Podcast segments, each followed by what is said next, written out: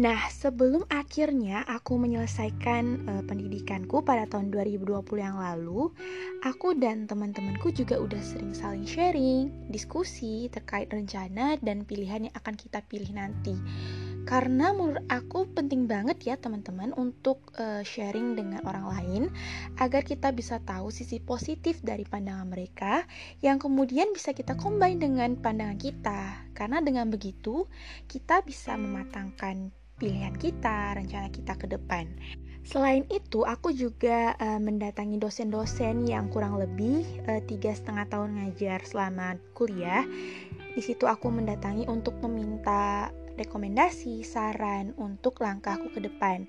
Jadi gini teman-teman, aku itu udah nyusun rencana uh, apa yang akan aku ambil dan aku pilih setelah lulus. Dan kemudian rencana itu aku bawa ketika aku mendatangi dosen-dosen ini. Karena mengapa? karena aku yakin banget dosen-dosen ini pasti tahu potensi dan bakat di diri aku selama mengajar kurang lebih tiga setengah tahun ini. Nah dengan begitu mereka bisa lebih mengarahkan nih jalan yang akan aku pilih yang tepat dan sesuai dengan uh, komposisi bakatku gitu Nah, buat teman-teman yang sekiranya saat ini sedang menyelesaikan tugas akhir atau yang mungkin menuju wisuda, aku saranin banget untuk jangan sekedar uh, mendatangi dosen itu untuk bimbingan skripsi atau sebagainya, tapi coba kita uh, cari waktu di mana waktu itu kita gunakan untuk uh, meminta saran, rekomendasi, langkah dan rencana yang akan kita pilih ke depan dan sesuai dengan bidang teman-teman masing-masing. Nah, setelah kita sharing dengan teman-teman, kemudian juga rekomendasi dengan dosen-dosen, aku akhirnya itu e, menyusun lagi rencana-rencana yang akan aku ambil. Bahkan nggak satu rencana aja nih teman-teman, aku nyusun sampai tiga rencana. Karena menurut aku penting banget kita bikin persiapan untuk e, lebih siaga agar e, lebih siap ketika ada kemungkinan-kemungkinan di luar ekspektasi kita. Dan ini e, balik lagi ke teman-teman, e, apakah teman-teman memilih untuk bekerja dulu atau mungkin langsung melanjutkan S2 dan itu kembali lagi teman-teman sesuai dengan rencana teman-teman masing-masing. Nah, kita lanjut setelah akhirnya aku menyelesaikan pendidikan sarjanaku. Dan teman-teman, seperti yang kita tahu semuanya, kalau misalnya setelah lulus itu, aku bener-bener dihadapin dengan situasi yang sama sekali di luar persiapanku, yakni situasi pandemi. Di masa itu, aku sempat mikir, ini kepake nggak ya rencana yang udah dibikin uh, di bulan-bulan lalu? Karena ya kita tahu bahwa Rencana yang aku bikin itu rencana di masa normal dan ketika dihadapi dengan masa pandemi, tentunya impact yang akan timbul itu berbeda. Jadi, rencana yang harus kita bikin itu harus kita sesuaikan juga dengan masa yang kita hadapin.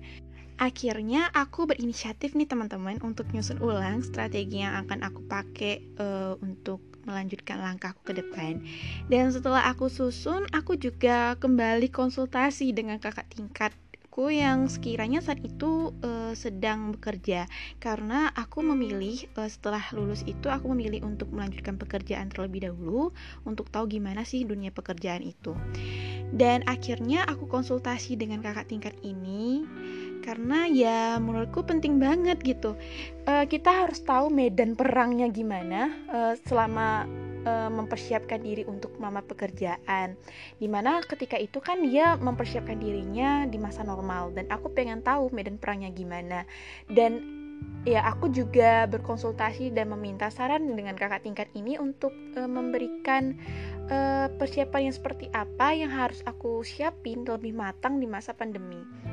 Nah, buat teman-teman yang juga sekiranya punya rencana untuk melanjutkan S2 juga gitu, aku saranin banget untuk terus berkonsultasi dengan orang-orang yang sebelumnya sudah punya pengalaman dengan rencana yang akan kita ambil.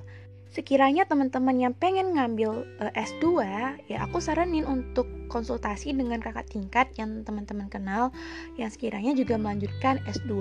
Mungkin teman-teman pengen lanjut S2 dengan beasiswa, teman-teman bisa menuju kakak tingkat yang sekiranya melanjutkan S2 dengan beasiswa juga gitu.